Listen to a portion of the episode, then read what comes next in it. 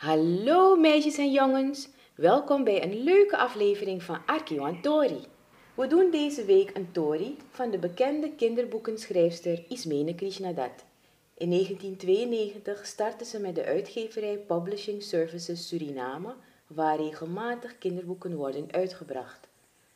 We vertellen vandaag één van haar bekende Tories, de flaporen van Amar. Eer Tintin woonden eens aan de kust van Suriname een man en een vrouw. De man heette Papita en de vrouw Carita. Zij hielden ontzettend veel van elkaar. Er was slechts één ding dat ontbrak aan hun geluk en dat was een kind. Sinds Carita en Papita met elkaar in een hutje waren gaan wonen, spraken ze elke nacht erover hoe graag ze een kindje wilden hebben. Nou, zal je denken, waarom nemen ze dan geen kind? Dat is toch heel gewoon? Alle mannen en vrouwen die samen in een hutje wonen, krijgen kinderen. Maar dan zal ik je toch een geheim verklappen. Papita, die had ontzettend grote oren. Het was een afschuwelijk gezicht. Op school hadden de kinderen hem altijd geplaagd om zijn oren. Meestal liep dat uit op een vechtpartij. De meester kwam dan aangerend en greep hem bij zijn oren. Jo, domoor, schreeuwde hij bij elk gevecht. Hier, nog een paar oorvegen. Dat zal je leren het vechten te laten. En hij trok aan de oren van Papita, waardoor ze nog een stuk uitrekten. Op latere leeftijd had Papita geprobeerd zijn haar over zijn oren te laten groeien, maar het lukte niet. Ze bleven uitsteken, zelfs een permanent had niet geholpen. Ten einde raad kocht Papita een strooien hoed met een grote rand. Hij zette hem op en hoera! Zijn oren verdwenen onder de rand van zijn hoed. Sindsdien zette Papita de hoed alleen af als hij ging slapen. De eerste keer dat Carita Papita zonder hoed zag, schrok ze ontzettend. Papita, stamelde ze, je oren.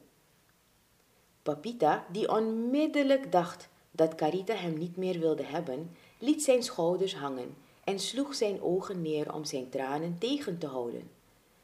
Carita, die dat zag, drukte snel een kus op zijn linkeroor, dat ietsje groter was dan zijn rechteroor. Nee, gekkie, het gaat om mijn vader. Hij heeft ook zulke flaporen. We moeten oppassen. Een kindje van ons gaat zeker ook flaporen krijgen. Wat waren ze bedroefd. Een kind met flaporen? Wat een ramp zou dat zijn. Wat moesten ze nu doen? Op een avond zei Carita, weet je wat, ik zal de familie Ooievaar een brief schrijven om te vragen of ze erop kunnen letten dat onze baby niet te grote oren krijgt. Papita vond dat een uitstekend idee en zo gezegd, zo gedaan. De baby's kwamen in die tijd niet uit de buiken van hun moeders. Ze woonden diep in het binnenland bij een familie ooievaar. Als de mensen aan de kust een baby wilden, plaatsten ze een bestelling. Een van de ooievaars kwam dan overgevlogen met de baby, die hij in een dekentje had gebonden, die hij met zijn snavel vasthield. Toen moeder ooievaar de brief van Carita gelezen had, riep ze vader ooievaar erbij. Kijk die vervelende mensen nou toch. Eeuwig hebben ze zoveel eisen. Wat moeten we nu doen? Toevallig heeft de baby, die nu aan de beurt is, vreselijk grote oren. Vader Ooievaar, die mensen toch altijd al lastig en zeurderig vond, haalde zijn schouders op. Niets aan te doen, bromde hij. Ze moeten er maar mee leren leven. Laat de baby klaarmaken. Langanekki zal hem wegbrengen. Langanekki was de snelste vlieger van de familie. Vader Ooievaar had hem speciaal uitgekozen voor deze opdracht omdat de reis naar de kust over gevaarlijk gebied ging. In het binnenland van Suriname was er een oorlog aan de gang waarbij mensen elkaar zomaar doodschoten. Wanneer ze aan het schieten waren, letten ze helemaal niet op wie of wat er in de buurt was. Het kon dan gebeuren dat je een kogel door de kop kreeg, zonder dat je er iets mee te maken had. Lange werd geroepen. Moeder Ooievaar zette hem nog snel een flinke portie vis voor, zodat hij genoeg kracht zou hebben om op volle snelheid over de bossen te vliegen. Nadat hij had gegeten, ging Langaniki de baby halen. Wat een oren! riep hij vol verbazing toen hij het kindje zag. Ze passen niet eens in dat dekentje. Geërgerd keek moeder ooievaar hem aan. Klets toch niet zo. Ik heb in geen tijden een baby gezien met zulke prachtige krullen. Langaniki haalde zijn schouders op. Je mocht tegenwoordig ook niks meer zeggen. Met zijn snavel pakte hij de knoop van het dekentje stevig vast. Ma, pa, ik ga dan maar. Tot over een dag of twee. Langzaam steeg hij op. Vergeet niet zijn ouders te zeggen dat hij Amar heet, hoorde hij vader Ooievaar nog roepen. Na enige uren vliegen naderde Langaniki het oorlogsgebied. Vanuit de verte hoorde hij reeds schoten. Bezorgd keek hij naar de baby. O jee, Amar, het is weer goed mis daar, riep hij vanuit zijn snavelhoek. Nieuwsgierig stak Amar zijn hoofd uit het dekentje. Bang! Hij wist niet hoe gauw hij zijn hoofd weer naar binnen moest trekken. Tot zijn grote schrik begonnen ze hoogte te verliezen. Bloed viel op het dekentje. Langaniki was geraakt in zijn linkervleugel. Verwoed probeerde hij met de andere vleugel weer omhoog te komen, maar het ging niet. Daar, daar, riep Amar. Probeer te landen in die grote boom. Langaniki klemde zijn snavel dicht en met zijn laatste restje kracht bewoog hij zijn rechtervleugel heen en weer in de richting van de boom. Het lukte. Uitgeput zakte hij neer op een brede tak. Amar was zo opgelucht dat hij niet eens merkte dat hij met een plof naast Langaniki neerviel. Na een tijdje hield het schieten beneden op. Amar keek om zich heen. Langaniki had de ogen gesloten. Zijn gezicht was vertrokken van pijn. Langaniki, Langaniki, fluisterde Amar. Zeg toch wat, ik ben zo bang. Moeizaam opende Langaniki de ogen. Amar, we gaan dood. Ik kan niet verder vliegen. Wanhopig keek Amar naar de gewonde Langaniki. Mijn God, kan ik je niet helpen, Langaniki? Ik wil nog niet doodgaan. Ondanks zijn pijn moest Langaniki even lachen. Je kan niet eens lopen. Laat staan vliegen. Ik zie echt niet hoe je me kan helpen. Moedeloos keerde Amar zijn hoofdje naar de andere kant. Zijn oor viel op zijn wang. Plotseling sperde Langaniki zijn ogen open. Amar! Hij borde met zijn snavel in Amars arm. Je gaat vliegen, jongetje. Amar keek Langaniki vragend aan. Waarover had hij het? Zo net had hij hem nog uitgelachen. Beweeg je oren, commandeerde Langaniki. Amar fronste zijn wenkbrauwen, maar deed toch wat hem gezegd was. Het lukte. Zijn oren gingen op en neer. Harder, schreeuwde Langaniki opgewonden. Heftig wapperde Amar met zijn oren. Langaniki was gaan staan. En nu ga je vliegen, zei hij. En hij stootte Amar met zijn snavel uit de boom. Verschrikt gaf Amar een gil. Je oren, domkop, riep Langaniki. Het lukte. Zijn oren gingen op en neer.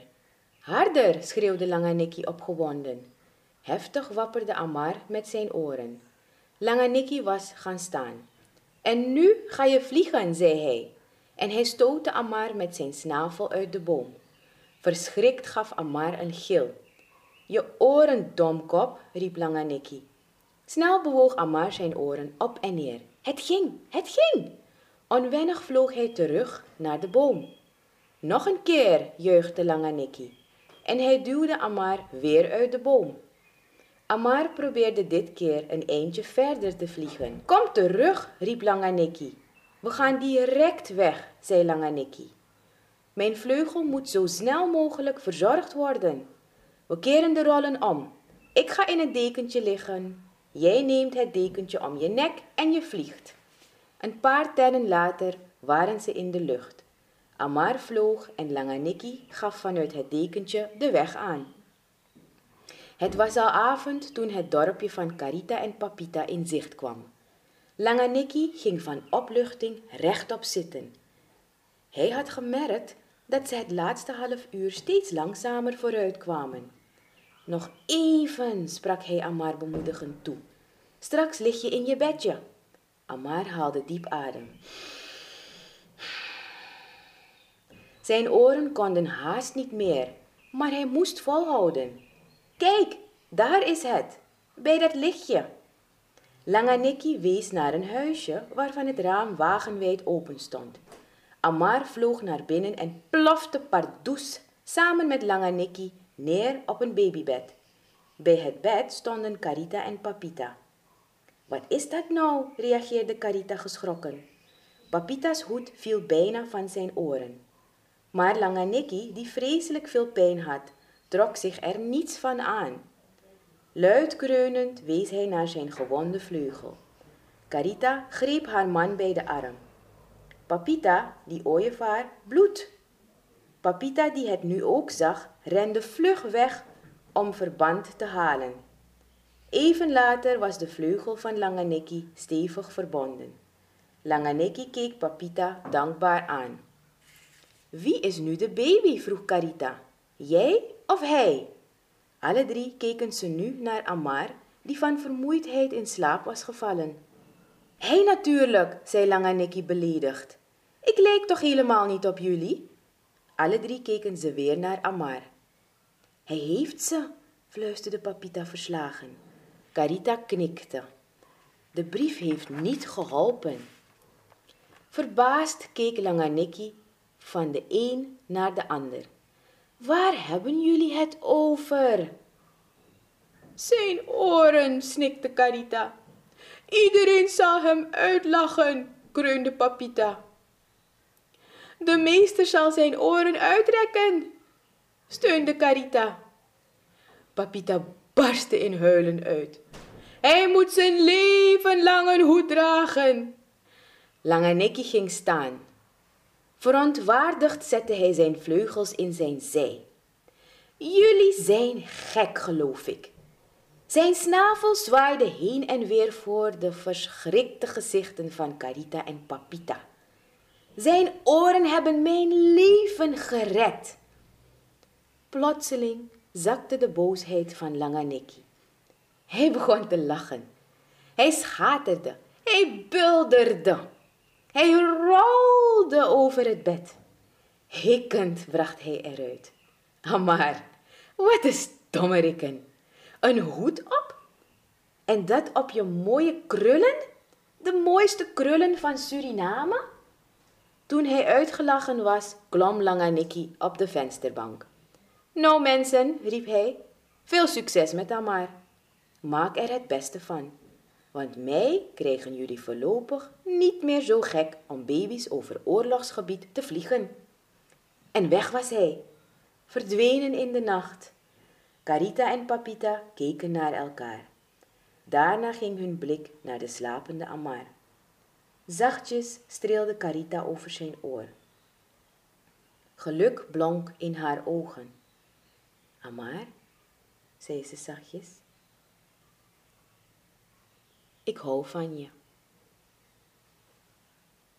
Bedankt voor het luisteren. Tot de volgende Tori.